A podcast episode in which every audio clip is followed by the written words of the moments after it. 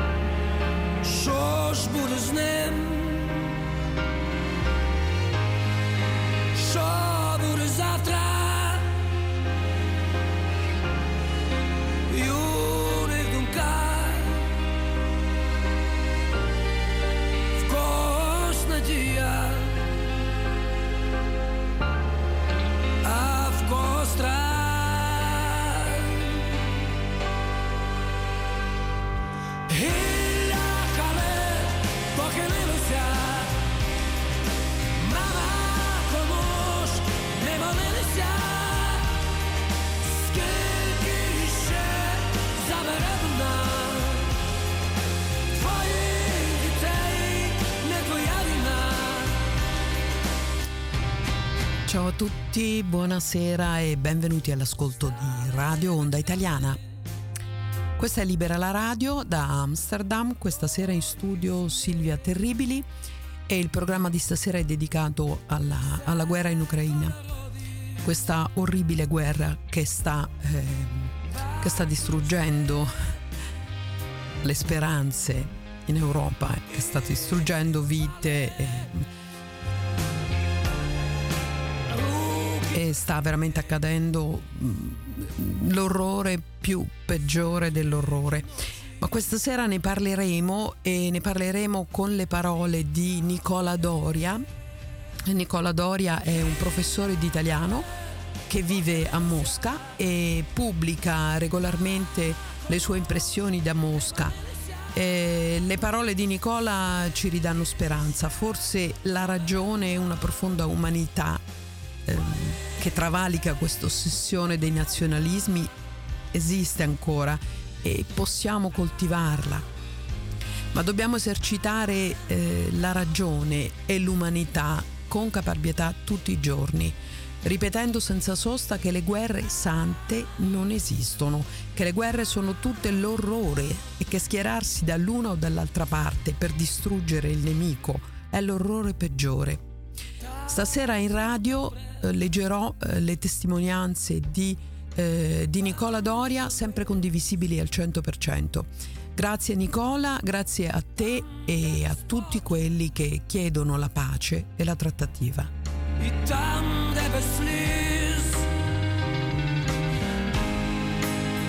a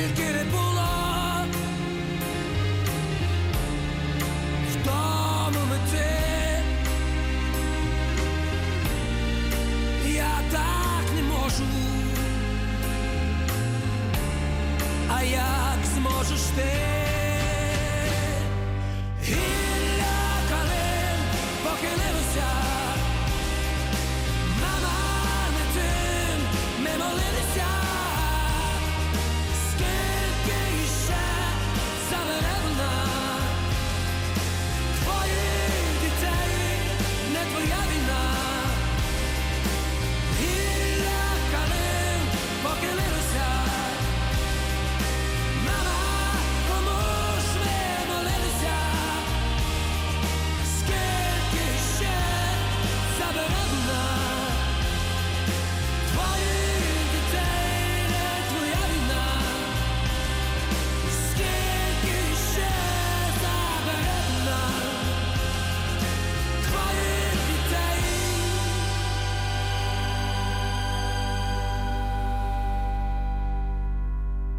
E questi erano gli Okean Elsie, una famosissima band eh, ucraina e il brano si intitolava Not Your War e questa è una canzone del 2015, purtroppo ancora terribilmente attuale.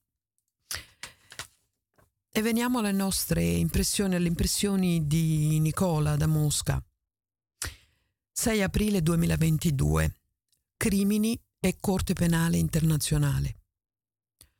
Siamo tutti scossi dopo Buccia, non solo in Europa e in Ucraina, ma anche qui in Russia, dove la situazione diventa sempre più insostenibile e assurda. Molti dei miei studenti hanno deciso di non seguire più le notizie dal fronte per non cadere ancora di più in depressione. Non tutti possono reggere le immagini che circolano in questi giorni. Con l'arrivo dell'esercito ucraino nella zona di Bucha, il presidente Zelensky ha denunciato il fatto come crimine di guerra e ha invocato una nuova Norimberga nei confronti di Putin. Non è la prima volta che utilizza questa terminologia, tanto che più volte è arrivato ad affermare che contro il popolo ucraino è in atto un vero e proprio genocidio. Il fatto che lui utilizzi queste parole così piene di memoria storica, ma al tempo stesso precise nel significare una determinata realtà, rende necessario fare una digressione per chiarire quale sia la situazione giuridica su cui si muove la dottrina dei diritti umani. Questo anche perché rimangono aperti troppi interrogativi. Le testimonianze raccolte e le immagini arrivano da una sola parte coinvolta nel conflitto e non da un'indagine indipendente. Inoltre abbiamo già assistito a molte manipolazioni e fake che ci costringono ad andare con i piedi di piombo. Lo stesso Zelensky ci avvisa del fatto che i russi vogliono nascondere le tracce dei crimini commessi. Ma tale affermazione è in contrasto con quanto è successo a Bucha, dove per giorni i cadaveri sono stati presumibilmente lasciati in bella vista per le strade della cittadina. Volere la verità su quanto è successo non significa negare l'orrore. In passato abbiamo assistito a fatti simili proprio in Europa, in Bosnia e in Kosovo, ma allora ci furono dei regolari processi che hanno portato alla de- determinazione dei crimini e a condanne penali definitive. La stessa cosa non si può dire dei crimini avvenuti in altre guerre come in Iraq, Libia, Afghanistan e Siria per motivi di cui parlerò a breve. Senza esserci ancora le condizioni per un tribunale ad hoc come quello di Norimberga, già la Corte Penale Internazionale ha aperto un'indagine per presunti crimini di guerra e crimini contro l'umanità a danno della popolazione ucraina. Si tratta di due definizioni di reato ben diverse. I crimini contro l'umanità sono violenze che vengono perpetrate contro un popolo o parte di esso e che sono percepite come perpetrate a danno di tutta l'umanità. I crimini di guerra invece sono violazioni del diritto bellico, ovvero delle leggi che disciplinano i comportamenti delle persone in periodi di conflitti. Con la parola genocidio invece si intendono gli atti commessi con l'intenzione di distruggere in tutto o in parte un gruppo nazionale, etnico, razziale o religioso. Questa è la definizione adottata dall'ONU. Tali atti non sono solo ricordi di un lontano passato, ma hanno fatto capolino anche nella storia recente, come in Kosovo, Ruanda, Darfur e molti altri luoghi del mondo. Parlare di genocidio significa identificare una volontà sistematica volta ad annientare un popolo, cosa molto difficile da pensare, ma non impossibile, nel presente conflitto fra due popolazioni che si considerano sorelle. Crimini di questo tipo inducono a riflettere sul ruolo dei comandi militari e in genere delle gerarchie di potere. Loro sono i mandanti di tali crimini e devono rispondere personalmente davanti a una corte internazionale. Qui però sorge l'ostacolo più insidioso, ovvero quello di riuscire a portare tali individui di fronte a una corte internazionale per essere processati. Poco fa ho citato la Corte Penale Internazionale che ha sede all'AIA e rappresenta un tribunale internazionale che opera per giudicare reati di questo tipo. Purtroppo la Corte ha una competenza complementare a quella dei singoli Stati. Dunque può intervenire solo su volontà o inerzia dei singoli Stati. Ciò significa che tale tribunale potrebbe giudicare tali crimini, ma non ne ha giurisdizione. Quindi lascia stare. Il problema della giurisdizione della Corte Penale Internazionale è fondamentale per l'applicazione del diritto penale internazionale. Molti Stati non hanno aderito al suo statuto e per questo chi si è macchiato di crimini di guerra o contro l'umanità non è perseguibile in quelle entità territoriali. Non è di poco conto la cosa, soprattutto se la accostiamo alle parole del Presidente degli Stati Uniti, Biden, che ha rilasciato un'intervista in cui definisce Putin un criminale di guerra e dice di voler raccogliere le prove per condannarlo in un tribunale internazionale. Le parole fanno sorridere chi ha dimestichezza con il diritto internazionale, come ad esempio Kuno Tarfusser, ex giudice della Corte Penale Internazionale, che ospite di Lilly Gruber a otto e mezzo ha definito parole bizzarre. Infatti nessun presidente americano ha mai sottoscritto lo statuto della Corte e nessun criminale americano ha mai dovuto rispondere di crimini di guerra all'AIA. Le affermazioni di Biden sono tanto risibili anche in relazione alla risposta del ministro degli esteri russo, Lavrov. Si cominci con Jugoslavia e Iraq. Giusta risposta a una provocazione insensata. Gli Stati Uniti non hanno mai acconsentito a processare cittadini americani per questi crimini e durante il governo Bush venne addirittura disposto un piano militare per forzare il rilascio di qualsiasi detenuto americano presso la Corte Penale Internazionale. Questo per far capire da che pulpito arrivano questi richiami alla giustizia. Ma la sbadataggine dello svagato Biden non dovrebbe nemmeno far dimenticare che anche Russia e Ucraina fanno parte di quegli stati che non hanno aderito allo statuto della Corte. E questo è molto grave. Non solo alla luce degli ultimi avvenimenti, ma anche in considerazione del fatto che le ostilità continuano ininterrotte dal 2014. Pensate a tutti i crimini commessi sia dai russi dagli ucraini in tutti questi anni. I loro colpevoli non verranno mai indagati, processati e condannati. Rimarranno impuniti perché nessun tribunale internazionale ha giurisdizione in quei territori. Questa lunga riflessione dovrebbe far capire meglio quanto sia importante la pace nell'attuale crisi ucraina, perché solo con la pace gli organi internazionali possono operare. Il ruolo della Corte Penale Internazionale deve essere potenziato e supportato da più entità statali possibili, oltre che reso sempre più coercitivo. Un primo passo in questa direzione sarebbe che anche la più grande democrazia del mondo, gli Stati Uniti, vi aderissero. Sarebbe una risposta forte agli eccidi in atto e un motivo di orgoglio a livello mondiale. Ma gli Stati Uniti non accetteranno mai. Anzi, sono molto più propensi a cancellare ogni cosa con una guerra giusta e democratica, che però è nemica della giustizia internazionale.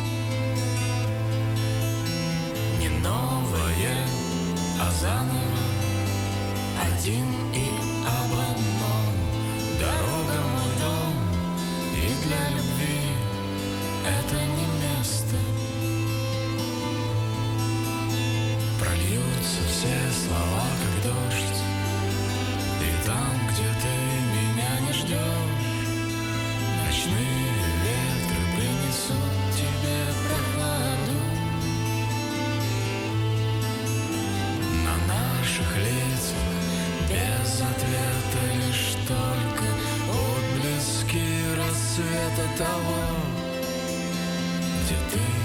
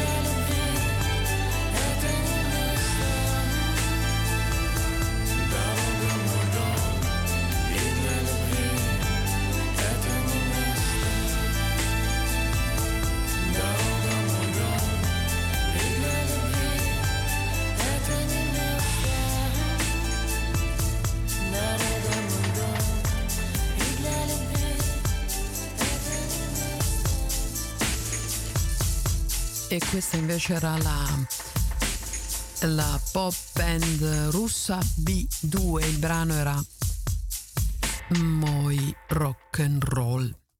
E riprendiamo con le impressioni da Mosca di Nicola Doria, eh, il nostro amico professore di italiano che vive a Mosca, che scrive eh, in Facebook e, e riporta le sue impressioni e sono parole veramente molto, molto belle che, che, ridanno una speranza in questo momento così eh, terribile.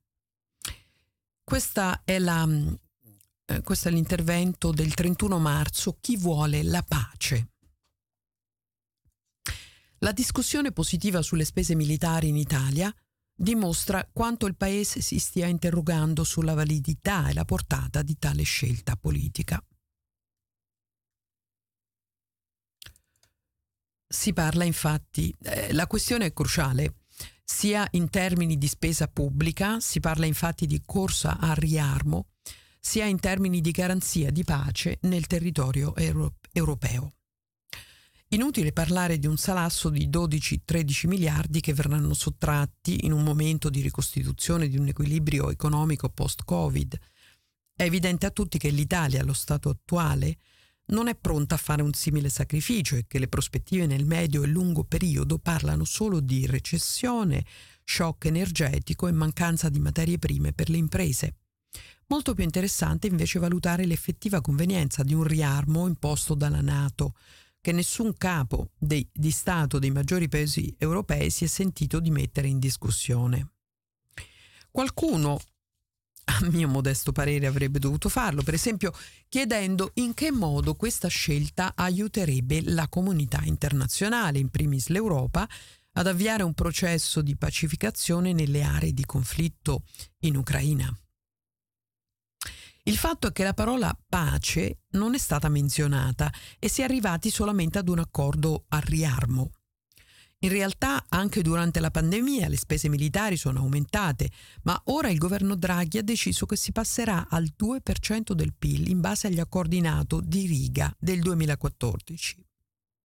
Vale la pena ricordare che tali parametri non rappresentano assolutamente alcun vincolo legale che si poteva benissimo non raggiungere questo obiettivo.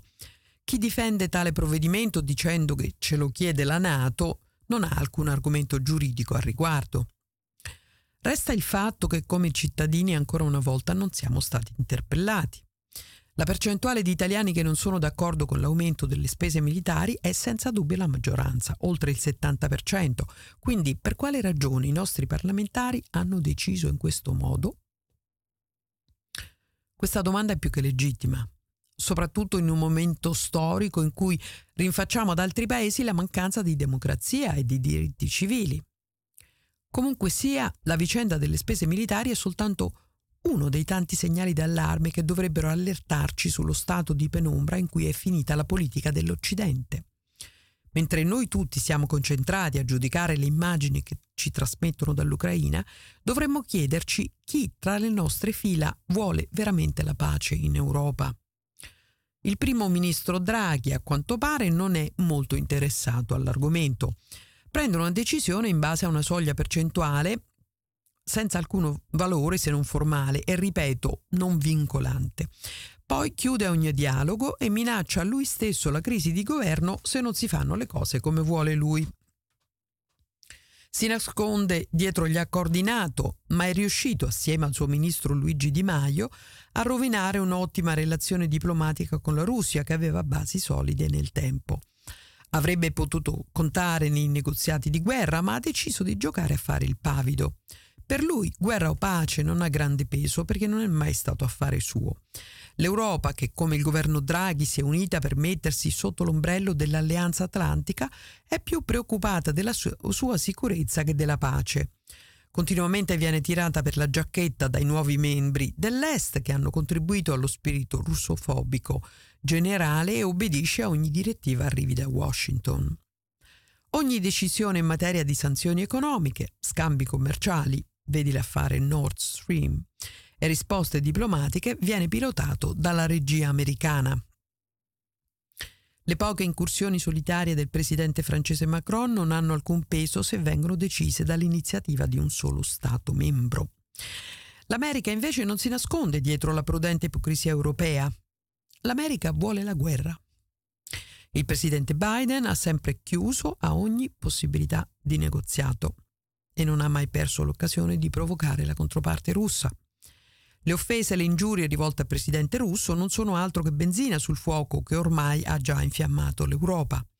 Per l'America il conflitto in Ucraina è lontano dai propri confini, indebolisce un avversario e costituisce una dipendenza degli alleati europei nei confronti della difesa e del mercato dell'energia americane. Se Biden avesse mai voluto la pace non avrebbe mai seguito una linea diplomatica aggressiva, ma sarebbe venuto in Europa prima o dopo lo scoppio del conflitto e si sarebbe seduto a un tavolo negoziale con Putin. Biden quindi è il più grande nemico della pace in Europa. Noi invece ce la siamo presa con Papa Francesco per non avere preso posizione contro il patriarca Kirill, reo di avere supportato la guerra in Ucraina. Il patriarca di Mosca e di tutte le Russie, non dimentichiamolo, rappresenta il capo della Chiesa ortodossa. Quando il Papa è stato invitato a Kiev dal sindaco Klitschko, mentre la Russia faceva pressioni sul Vaticano per chiedergli di non farlo, non si trattava per niente di una proposta accettabile sotto ogni punto di vista. Ci sarebbe stato il problema della sicurezza personale del Santo Padre, ma poi il Vaticano avrebbe cancellato con un solo gesto decenni di dialogo tra confessioni religiose cristiane. Il Papa, che lavora per la pace in maniera pragmatica, preferisce il dialogo piuttosto che le sfilate di popolarità insensata. Tra i presunti nemici della pace siamo riusciti a trovare anche l'AMPI, l'Associazione Nazionale Partigiani d'Italia. Non ci va giù il fatto che degli ex partigiani si siano schierati contro la Nato a causa della sua politica pericolosamente provocatoria. E abbiamo visto tutti il risultato. Ma soprattutto non sopportiamo il fatto che rifiutino categoricamente di inviare armi all'esercito ucraino. Loro hanno liberato l'Italia con le armi degli americani e ora non vogliono dare le armi alla resistenza ucraina. Il paragone è legittimo, tuttavia ricordiamoci che chi ha visto la guerra tende a conoscerla e ad averne paura. Poi ricordiamoci degli effetti che le armi hanno portato in termini di vendette, stragi ed esecuzioni sommarie. Tanto odio represso e poi scoppiato senza controllo per anni sono un'ipoteca pesante per il futuro di una nazione. La ragione della bocciatura dell'invio di armi è semplice. Le armi, come la guerra, non costruiscono la pace. Costruiscono muri contro muri, nemici su nemici. Aggiungono odio all'odio. Possono forse portare a una resa momentanea, un cessate il fuoco, ma avranno lasciato dietro di loro una scia di sangue che renderà instabile ogni convivenza pacifica futura. Chi vuole la pace non manda armi se vuole che la pace ritorni e si stabilizzi. Purtroppo noi stiamo facendo proprio questo. O meglio, mandiamo le armi perché vogliamo che per la Russia, ormai il nostro nemico perché nemico dell'America, questo conflitto sia il più sanguinoso possibile. Vogliamo che ne esca distrutta, esausta e compromessa. Una volontà a dir poco bellicistica, castigatoria e spietata. E lo facciamo nascondendoci dietro al fatto che non siamo noi a volerlo, ma il popolo ucraino a chiederci le armi. Quindi noi gliele diamo senza sensi di colpa. Almeno secondo noi, poi invece il resto del mondo ci giudica in maniera diversa. Le armi, infatti, ce le chiede il presidente ucraino Zelensky, il quale non è mai contento perché ne vorrebbe sempre di più. Vorrebbe anche un intervento della Nato, vorrebbe anche una no-fly zone. Vorrebbe anche che inasprissimo le sanzioni nei confronti della Russia e che smettessimo di comprare i suoi idrocarburi. Tra poco ci chiederà di utilizzare la bomba atomica. E in ogni sua richiesta c'è una manipolazione affettiva, quello che nella terminologia psicologica viene chiamato gaslighting. Non è mai l'Ucraina l'obiettivo del suo discorso, ma la Polonia, attaccata dall'armata russa, Genova bombardata, l'11 settembre o addirittura la Shoah. La sua comunicazione altamente tossica ci fa dubitare della nostra percezione della guerra, per quanto simpatizziamo con lui. Ma Zelensky non vuole la pace e anzi vorrebbe più guerra. Con il suo esempio e quello della propaganda a cui tutti occidentali e non siamo sottoposti, diventa necessario distinguere tra buoni, non tra buoni e cattivi, secondo la logica aggressore aggredito, ma tra chi vuole veramente la pace e chi invece la professa per arrivare a un obiettivo diverso. Noi come Europa dobbiamo interrogarci sul nostro ruolo e sulla nostra identità. Tornando indietro al 1948, in un articolo di Luigi Einaudi dal titolo Chi vuole la pace, troviamo scritte le seguenti parole. Quando noi dobbiamo distinguere gli amici dai nemici, gli amici dai nemici della pace, non fermiamoci alle professioni di fede, tanto più clamorose quanto più mendaci. Chiediamo invece, volete voi conservare la piena sovranità dello Stato del, nel quale vivete? Se sì, costui è nemico acerrimo della pace. L'articolo è molto interessante e sottolinea quanto l'Europa sia un progetto di pace dove ognuno ha dovuto cedere qualcosa di, di proprio per un bene più grande, la pace. Quella pace è durata anni, nonostante le guerre locali che si sono combattute anche nel silenzio della stampa. Ora l'Europa, da progetto perfezionabile di pace, è diventata più estremista che mai. Abbiamo sottoscritto alle sanzioni economiche e ci siamo autoeliminati da ogni possibile negoziato. Abbiamo interrotto gli scambi commerciali, economici e culturali senza contare sugli effetti a lungo termine delle nostre azioni. Foraggiamo apertamente una guerra, seguendo una strategia di deterrenza e di riarmo dalle conseguenze nefaste. Quindi possiamo dire che il progetto di pace di cui parlava Einaudi si è interrotto qui, ahimè, tristemente.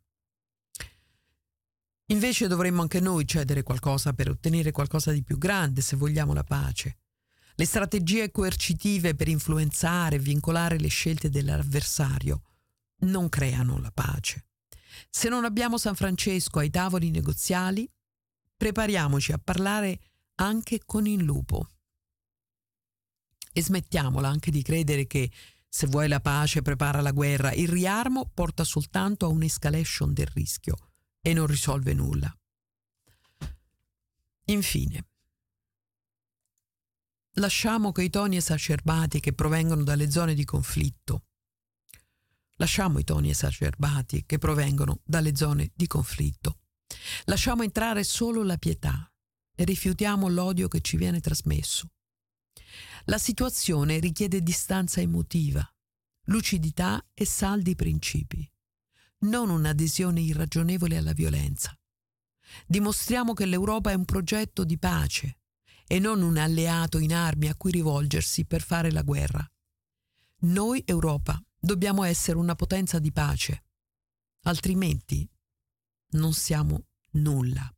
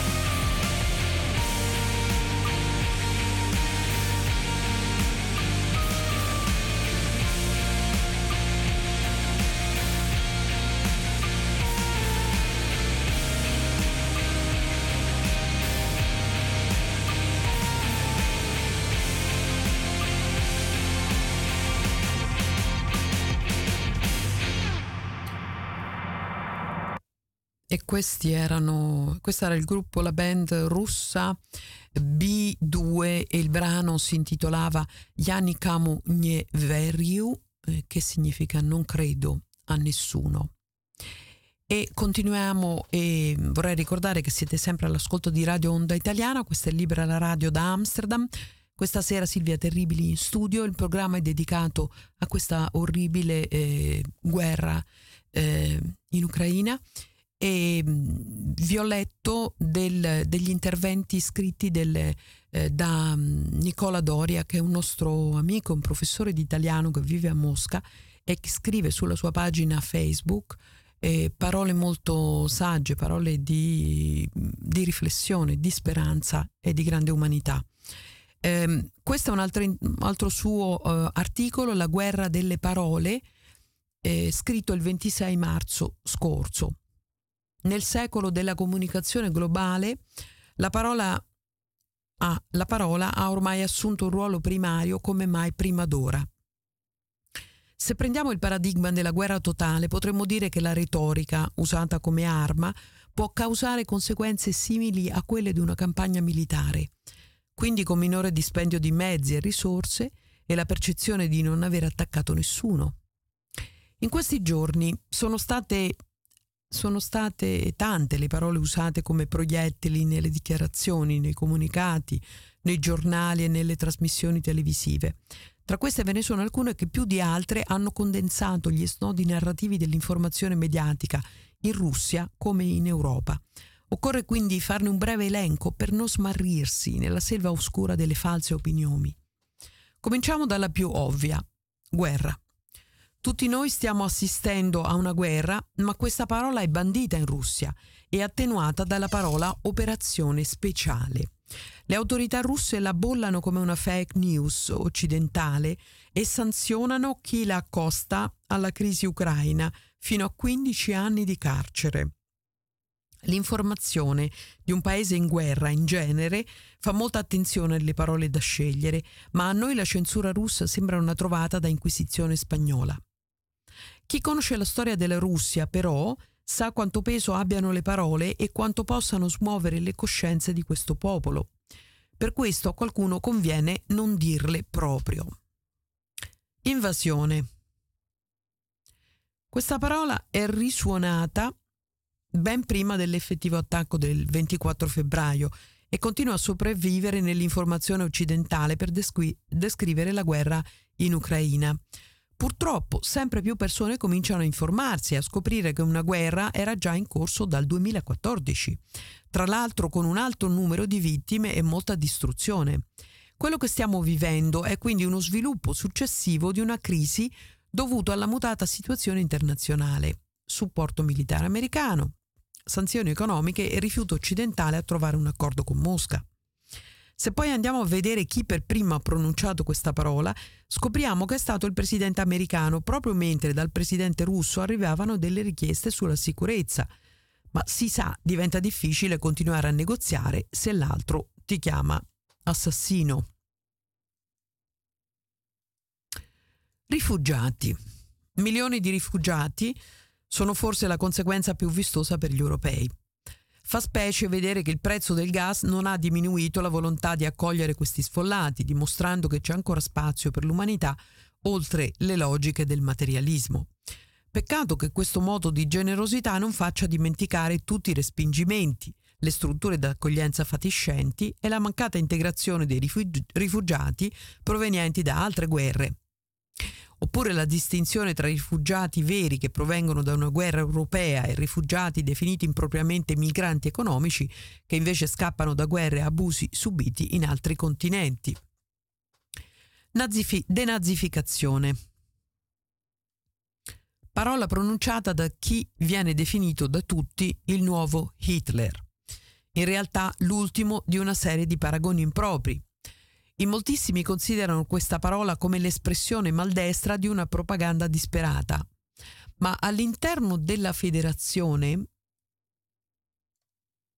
all'interno della federazione russa, fa sicuramente presa. La Russia è fortemente antinazista, mentre similmente non si può dire dell'Ucraina. Ovviamente il popolo ucraino non, non, è nazista, ma sentire la comunità ebraica di questo paese l'aria che tira non è delle migliori. Ce lo racconta Nikolai Lilin, un russo moldavo che potrebbe essere di parte. Eppure ce lo conferma anche Israele, che ultimamente ha dimostrato di non avere grande fiducia nel governo ucraino e nemmeno nel presidente Zelensky, anche egli ebreo. Democrazia. A scuola ci dicevano di non dire sempre bello e buono, ma di utilizzare i sinonimi per variare un po' le frasi.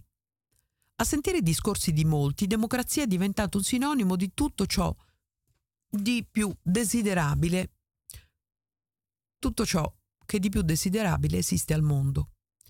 Chi vuole dimostrare una sua tesi la infarcisce di questa parola e l'effetto è immediato, sono tutti d'accordo. Lo stesso dicasi quando si parla della differenza, differenza tra Russia e Ucraina. La prima non è mai descritta come una democrazia, mentre della seconda si dimentica qualsiasi difetto.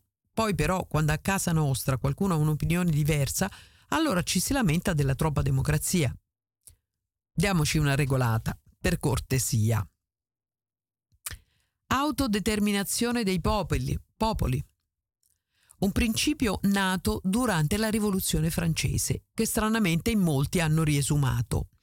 Un'ottima cosa quando si parla di Ucraina, un po' meno quando si ha a che fare con il neocolonialismo imperante nel mondo o il separatismo di regioni d'Europa. Una parola quindi che andrebbe utilizzata con cognizione di causa e senza doppio pesismo. Neutralità, come dice Dario Fabri. È ciò che la Russia chiedeva prima della guerra e ciò che l'Ucraina vuole concedere a fronte di questa guerra. Quindi, se questo compromesso non c'è stato prima, è perché un attore terzo si è intromesso a seminare zizzania. Da questo punto di vista, questa parola è anche la presa di coscienza delle bugie della Nato al popolo ucraino, per farlo collidere con Mosca. Non ci sarà nessuna entrata nell'alleanza atlantica, nessuna chiusura dei cieli e nessun intervento armato di truppe regolari. Tuttavia l'influenza della Nato continua sotto forma di spinta a continuare ad oltranza la resistenza per consegnare un altro Afghanistan alla Russia. Sanzioni. Sarebbe più giusto chiamarle misure di embargo, ma poi il ricordo andrebbe a Cuba e alla sua lotta per la libertà contro l'imperialismo americano. In effetti non è stato un tribunale internazionale a ritenere la Russia meritoria di queste restrizioni, bensì l'America, l'Unione Europea e una manciata di altre nazioni. Il resto del mondo si attiene invece a due posizioni molto diverse, l'indifferenza e l'insofferenza verso queste misure unilaterali. Anche perché gli effetti non sono per niente mirati. A soffrirne sono anche la Georgia, che poche settimane fa ha chiesto di entrare in Unione Europea e tutte le repubbliche centroasiatiche che orbitano attorno all'economia del rublo. Oligarchi. Federico Rampini ci parla in televisione del problema riscontrato a Dubai della mancanza di suite d'albergo libere. Per lui sono infatti tutte occupate dagli oligarchi russi, letteralmente all'ultima spiaggia dopo le sanzioni. Più che un commento informativo sembra una piccola nota di invidia sociale. Chi sono gli oligarchi? Sono i boiardi del Cremlino? O sono i ricconi di cui parla Rampini? Facciamo chiarezza. Essere ricco in Russia non significa essere un oligarca. Gli oligarchi sono un residuo degli anni 90 in cui la mancanza di controllo ha permesso a poche persone di accumulare in modo disonesto soldi e potere. In questo non hanno seguito nessuna ideologia né patriottismo, tanto che molti di loro hanno investito all'estero dove hanno mandato pure i propri figli a studiare. Cittadini del mondo, che quindi vanno dove tira il vento. Simili alle aziende che sfruttano, non pagano le tasse e poi delocalizzano. Aiuti Covid. È sintomatico vedere come la notizia della guerra abbia cancellato la memoria di due anni di pandemia. Nessuno ricorda il contesto in cui l'Italia, lasciata solo, sola dai vicini e amici europei, era ricorsa all'aiuto di Cina, Cuba, Albania e Russia. Da quest'ultima erano venuti medici e militari che non hanno ispezionato nessun luogo sensibile, ma anzi hanno dato il loro aiuto per quel che era allora possibile. Hanno raccolto dati e questo ci ha fatto pensare di aver invitato il nemico a spiarci in casa. Dovremmo invece ricordarci anche della disponibilità della Russia a produrre e vendere il proprio vaccino nato da quell'esperienza e anche il nostro rifiuto alla sua sperimentazione per dare precedenza alle case farmaceutiche americane.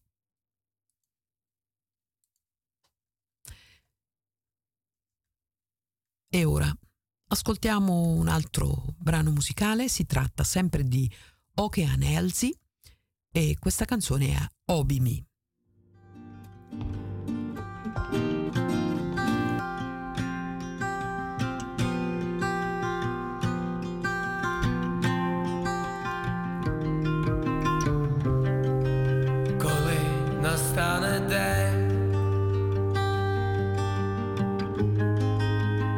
день, закінчиться ця війна,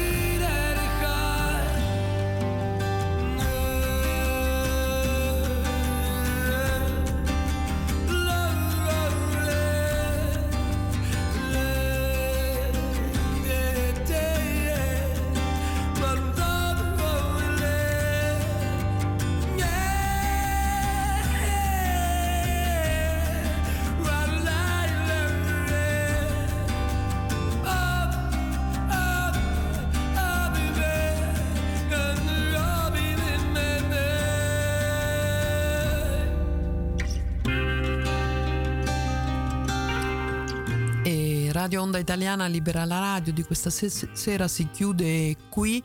Eh, oggi il tema era, la puntata era dedicata interamente a questa orribile guerra eh, in, in, Ucraina. Eh, io vi ho letto le parole di Nicola Doria, eh, le sue impressioni da Mosca che pubblica regolarmente eh, sulla sua pagina e vorrei chiudere con queste sue parole. Lasciamo i toni esacerbati che provengono dalle zone di conflitto. Lasciamo entrare solo la pietà e rifiutiamo l'odio che ci viene trasmesso. La situazione richiede distanza emotiva, lucidità e saldi principi e non un'adesione irragionevole alla violenza. Dimostriamo che l'Europa è un progetto di pace e non un alleato in armi a cui rivolgersi per fare la guerra. Noi, Europa, Dobbiamo essere una potenza di pace, altrimenti non siamo nulla.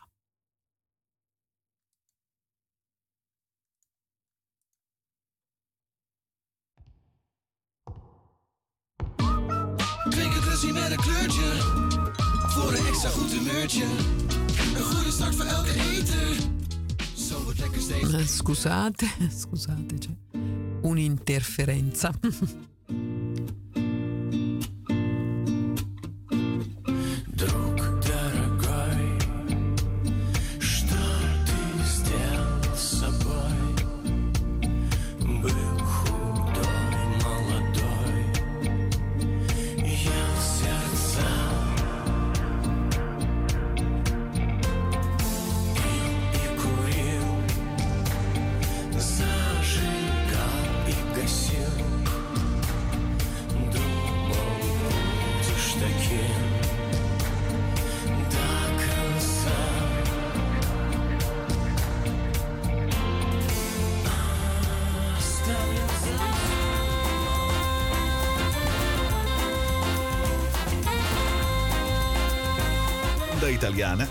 all'ascolto.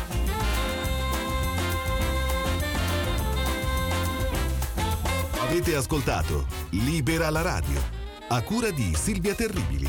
Informazione, musica e cultura italiana, il